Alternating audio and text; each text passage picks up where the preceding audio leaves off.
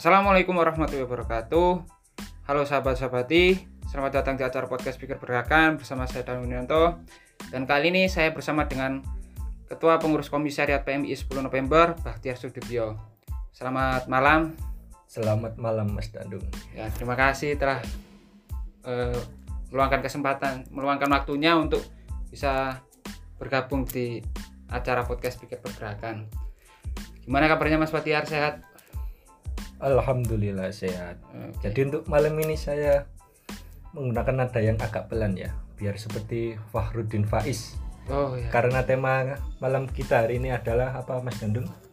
Ya, kita akan membicarakan tentang fil- filsafat bersama dengan Mas Bahtiar Sudibyo yang biasanya membaca literatur terkait filsafat banyak sekali saya eh, yang saya ketahui apa apa saja biasanya Mas buku-buku yang tentang filsafat itu Jadi meskipun saya ini kuliahnya di kampus teknik ya sahabat-sahabat, namun saya sendiri itu mengambil jurusan fisika. Nah, di mana jurusan fisika itu adalah induk dari segala ilmu pengetahuan teknik. Saya garis bawah itu ya. Bahasanya kita menemukan sesuatu yang lebih fundamental di fisika. Sehingga di situ selain saya belajar fisika, mau tidak mau saya juga diharuskan belajar filsafat secara mandiri seperti itu sehingga dari situlah saya mulai banyak belajar secara mandiri membaca buku-buku maupun dari dunia digital tentang filsafat seperti itu menurut Anda apa itu filsafat? Eh, kalau secara definisi ya itu akan sangat kita banyak temui sekali. Berbagai macam definisi menurut mereka dan semuanya itu mereka sampaikan secara percaya diri. Artinya mereka merasa bahwa definisi ini yang paling benar. Namun Nah, kalau dari Mas Tandu sendiri ketika mendengar kata filsafat itu yang tergambar itu orang seperti apa mereka? Yang tergambar eh, orang seperti tokoh Yunani pada zaman dahulu Aristoteles, Plato.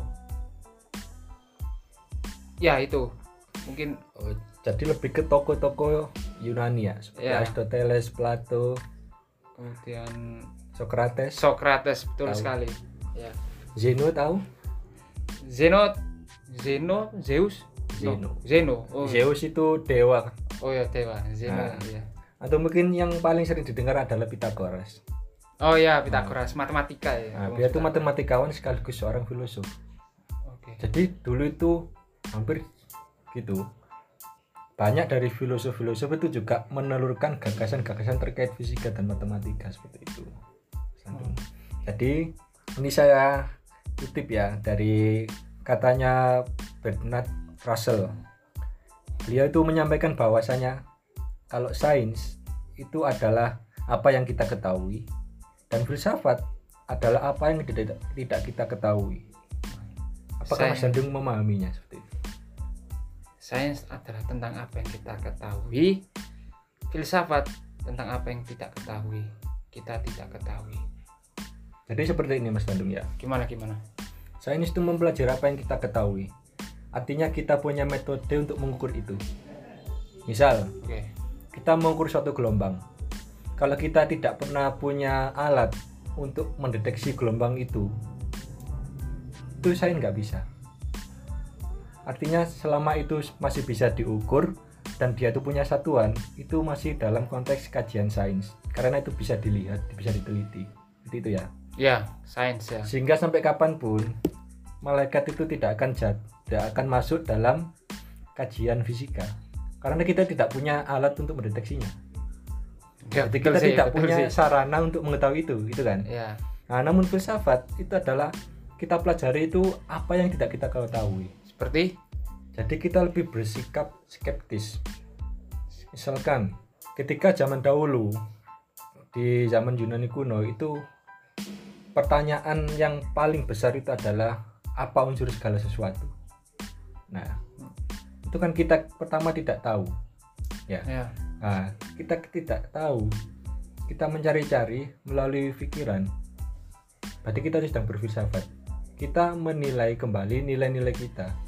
itu kita juga berfilsafat seperti itu jadi lebih jelasnya lagi filsafat itu kita melakukan penyelidikan tentang pemahaman kita mengenai realitas yang ada artinya kita bertanya lagi apa yang kita anggap benar itu benar-benar benar atau apa yang kita anggap nyata itu benar-benar nyata atau ada suatu kenyataan lain di balik kenyataan itu seperti itu Sepertinya itu pertanyaan yang akan di apa namanya?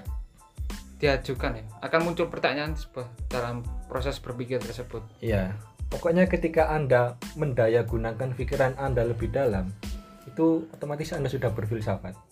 Berfilsafat. Nah, namun kalau Anda mempelajari tentang Aristoteles itu seperti apa, terus kemudian ke Plato seperti Plato, apa, ya. kemudian lanjut lagi ke René Descartes, sampai ke kalau Anda tahu itu siapa ya, sampai ke Karl Marx atau yang lain, itu berarti Anda sedang belajar sejarah filsafat. Oke, oke. Nah. Namun kalau Anda belajar berfilsafat, artinya Anda mendayagunakan pikiran Anda untuk melakukan penyelidikan lebih lanjut lagi tentang apa yang Anda ketahui. Sehingga kalau saya boleh garis bawahi itu ada tiga pertanyaan yang sering sekali kita gunakan untuk berfilsafat. Apa saja, Mas Batiar? Jadi yang pertama adalah apa yang benar tentang sebuah realita. Nah, ini artinya terkait kajian eksistensi. Kalau zaman dahulu, bahasanya di Aristoteles, beliau tuh meyakini bahwa ya apa yang kita lihat ini adalah sesuatu yang benar. Bahasanya ya, ya yang benar itu yang kita amati ini. Dunia ini benar. Itu yang ada. Namun muridnya Aristoteles Plato itu punya gagasan sendiri bahwasanya sesuatu yang benar-benar ada itu adalah dunia, sebuah ide. Jadi ada gagasan Plato dulu itu adalah yang benar-benar nyata dan kekal itu adalah yang di dunia ide. Artinya kalau anda punya gambaran di otak anda tentang meja Ya. ah, maka anda bisa mendeteksi kalau di depan anda itu benar-benar meja seperti itu. Ya. Eksistensi. ya anda tahu ini meja. Iya. karena di dalam pikiran anda itu sudah ada gambaran bahwa meja itu ada. Kan bentuknya seperti ini Bukan in- di dalam pikiran saya Hmm. ini itu meja, bukan. Hmm, bukan jadi kalau di Plato yang nyata itu justru yang di dunia ide ini meja meja yang ada di pikiran kita itu yang nyata dan ini hanyalah refleksi dari ide kita Ide kita. nah seperti itu tuh pertama terkait eksistensi yang kedua itu terkait epistemologi pernah dengar Epistemologi. Pernah dengar istilah itu, tapi untuk penjelasannya saya kurang paham. epistemologi adalah tentang metodenya Oke. Jadi kita mencari kebenaran itu itu melalui metode apa? Caranya bagaimana? Caranya bagaimana? Itu terkait epistemologi. Bagaimana kita tahu bahwa itu adalah memang yang benar. Jadi tentang bagaimananya. Nah, kalau dalam sains itu kan dua setidaknya itu eksper- eksperimennya. Jadi ada metode eksperimen dan observasi Ya. itu untuk membuktikan bahwa teori kita itu benar seperti itu kan kita Ya. melakukan eksperimen kalau nggak gitu observasi. Observasi. nah kemudian yang ketiga itu adalah tindakan apa yang harus kita ambil sebagai hasil dari pengetahuan itu sehingga kita ketika kita sudah memperoleh pengetahuan kita sudah memperoleh ilmu yang baru respon apa yang kita berikan dalam tindakan kita karena kita memperoleh memperoleh ilmu itu. Sehingga ada bedanya kita yang mempelajari sama yang mereka yang tidak mempelajari seperti itu. Oke, oke. itu masuk dalam etika, Etika. ketika sebelum anda tahu sebelum anda belajar tentang ilmu agama bahwasanya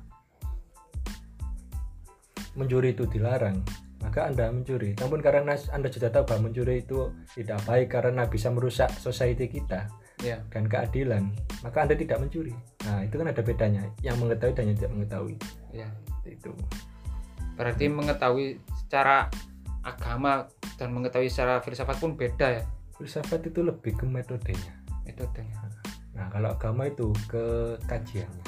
Jadi apa yang kita kaji? Sampai eh, Mas Batiar kan saya lihat sering dan interest sekali dengan buku eh, literasi tentang fil tentang tentang eh, filsafat itu. Menurut Anda, mengapa filsafat itu itu begitu pen- penting? Jadi kenapa kok saya mengajak sahabat-sahabat semua itu mau untuk terjun ke filsafat? Karena ya filsafat itu walaupun kita di abad 21 itu masih dipandang sesuatu yang mengerikan seperti itu Mas Gandun. Tahu nggak sih? Gimana? Mengerikan gimana, Mas? Biasanya kalau ada orang yang dia ahli filsafat, mesti pikirannya itu mesti pikirannya aneh. Kalau nggak gitu mesti kok mempertanyakan manunggaling kawula Gusti gitu. Oh, Atau kalau nggak iya. kok mesti dia tuh pemberontak. Terus kalau nggak gitu dia tuh Mengkritik. liberalnya tinggi. Pokoknya mereka yang bermasalah dengan hidup mereka seperti itu kan. masalah dan pola pikirnya gitu. Iya, jadi sering kali orang yang berfilsafat itu dianggap orang yang aneh dan atau kalau nggak gitu mereka yang mempersulit diri sendiri dengan alasan-alasan yang dia buat sendiri seperti itu kan Sar. Iya, iya. Tapi padahal saya meyakini bahwa di mana pun anda jurusannya atau bagaimanapun aktivitas anda, filsafat itu penting. Karena kenapa? Ada banyak alasan sahabat. Namun saya ingin menyebutkan satu saja ya. Saya yakin bahwasanya kita sebagai manusia itu tugasnya adalah berjuang, lihat. Ya, Dan ketika kita dari lahir sampai sekarang pasti menemui kegagalan. Sahabat Bandung ya. betul. Naik turun lah Ya. hidup ini. sebenarnya kalau kita punya ekspektasi kemudian ekspektasi kita itu tidak terpenuhi pasti kita merasa sedih Ya, kecewa. kecewa sedih ataupun Bad bisa mood. marah Ya, bisa nah marah. sebenarnya itu apa itu kan hanya sebuah emosi ya emosi apa itu emosi agar kita itu menarik diri sebentar dari aktivitas kita kemudian apa kita untuk merenungkan kembali nilai-nilai kita Seperti itu jadi sebenarnya emosi itu hanya alarm Oke. makanya itu sering kali kalau kita dapatkan kejadian yang tidak enak itu kan sering kita dapat saran itu ambil hikmahnya Ya, ambil jupuk sisi api Nah. ambil baiknya gitu. bagaimana anda bisa mengambil hikmah dari sesuatu yang buruk itu kan tentu melalui proses berpikir juga perenungan Ah, refleksi. nah perenungan berarti kalau anda tidak mengasah otak anda untuk berfilsafat bagaimana anda bisa mendapatkan gambaran yang jelas terkait keadaan yang anda alami itu itu kan Ya. Nah, jadi dengan Anda terbiasa berpikir dan berfilsafat, ketika Anda menghadapi sesuatu kegagalan dalam hidup Anda, Anda akan dengan lebih mudah, dengan lebih jernih menemukan pandangan apa yang harus Anda lakukan di kehidupan selanjutnya. Seperti itu. Ya. Nah, kalau orang tidak terbiasa dengan ini, maka otomatis lebih banyak kita menuruti dari perasaan kita. Seperti itu. Nafsu.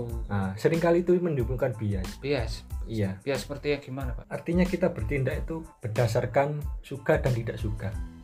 Bukan apa yang baik dan buruk. Seperti itu kan. Kalau dari Mas Dandu sendiri lebih menilai yang terbaik itu kita menuruti dengan suka dan tidak suka apa yang atau apa yang baik dan yang buruk. Jelas yang baik dan buruk. Nah, kalau kita mendapatkan baik dan buruk itu kita benar-benar harus mempunyai pandangan yang jernih terkait kehidupan kita seperti itu kan. Ya. Nah, di situ laporan filsafat. Makanya jangan heran ada orang sampai tua itu masalahnya pancet kayak gitu. Ya. Sampai dari muda sampai tua itu masalah masalahnya itu sama, jomblo terus. Ya. Masalahnya itu dari dulu apa? romansa, mencari cinta terus sampai tua. Ya. Ya, karena dia tidak pernah belajar dari pengalaman sebelumnya. Dia tidak pernah merefleksikan iya, masalah-masalah tidak sebelumnya. tidak pernah mengambil hikmahnya. Padahal kalau ada sesuatu yang berulang, itu kan harusnya ada pola yang sama, pattern yang sama. Betul. Nah, kalau kita terus melalui pattern itu ya kita mendapatkan hasil yang sama. Iya kan? Iya. Itulah yang dikatakan Einstein dulu bahwasanya orang yang melakukan dengan cara yang sama berulang-ulang tapi dia mengharapkan hasil, Hasil yang, yang berbeda, berbeda. dia adalah orang gila. Gitu kan? Ya. Nah, ya. seperti itu sahabat Bandung. Berarti ini filsafat sebenarnya sangat membantu sekali dalam kehidupan kita ya. Sangat. Apalagi kita sebagai PMI, Ya. jargonnya apa? Zikir fikir amal soleh. Nah, pikir, pikir amal soleh. Saya yang garis bawahi adalah berpikir. Berpikir itu kan artinya menggunakan pikiran kita. Betul. Nah, kalau kita menggunakan pikiran kita, ya kita berfilsafat artinya. Ya. Mungkin eh, dari sahabat-sahabat ini kan banyak yang belum mulai eh, apa ya istilahnya banyak yang masih belum belajar berfilsafat lah mungkin bisa untuk sebagai pemula atau awal-awal kita belajar filsafat itu kita harus belajar eh, bagaimana kita memulainya seperti itu pak Jadi memang belajar berfilsafat itu memang tidak mudah. Saya akui. Namun sekali lagi sahabat, ini sederhana sebenarnya. Memang tidak mudah, tapi saya yakin ini sederhana. ya Hanya perlu kemauan dan cukup waktu luang. Pertama, saya sarankan Anda lebih banyak lagi untuk membaca. Pertama itu ya.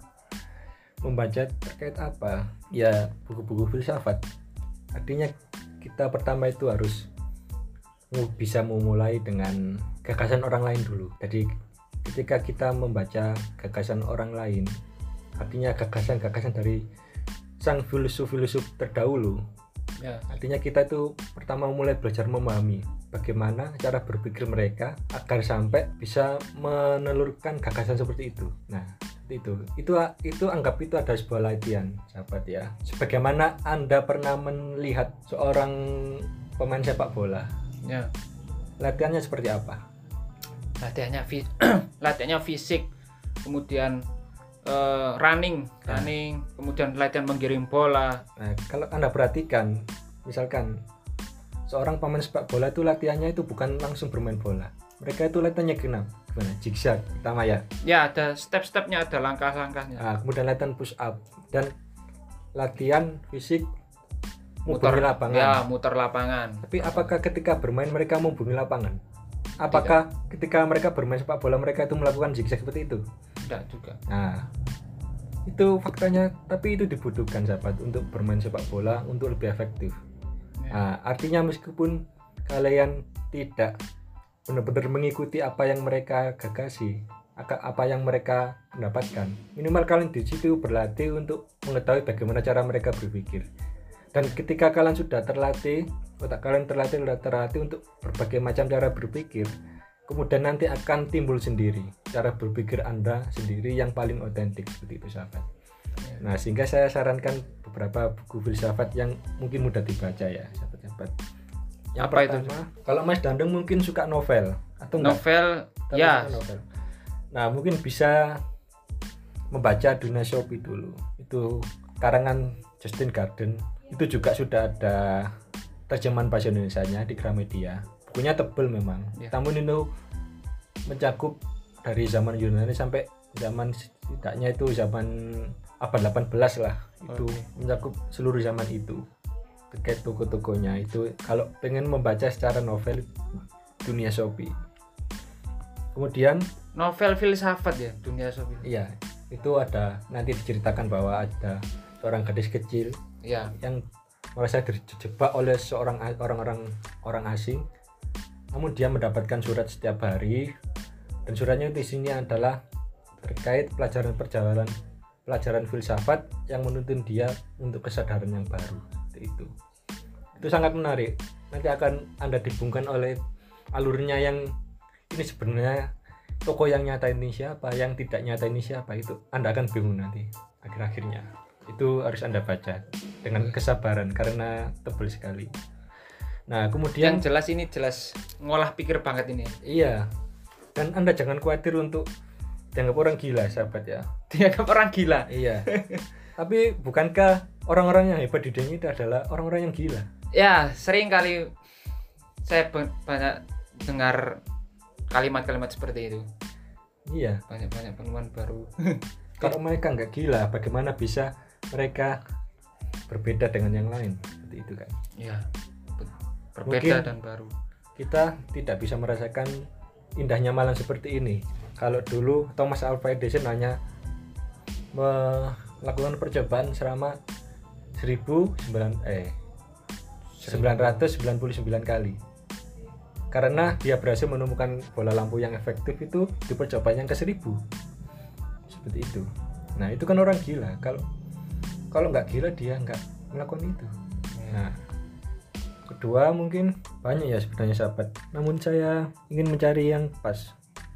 Untuk sahabat-sahabat ini mungkin ini juga. Ada yang terkenal itu dari kalangannya karangannya Imam Ghazali Tahafut Falasifa itu terkait kerajuan-kerajuan orang berfilsafat oh. Nah itu yang sering kali itu dituduh sebagai sebab ya kenapa kok orang Islam itu menghindari filsafat berabad-abad yang lalu.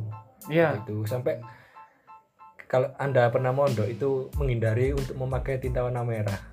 Kalau anda pernah mondok itu. Kalau menulis kitab itu menghindari tinta warna merah. Maksudnya apa pak?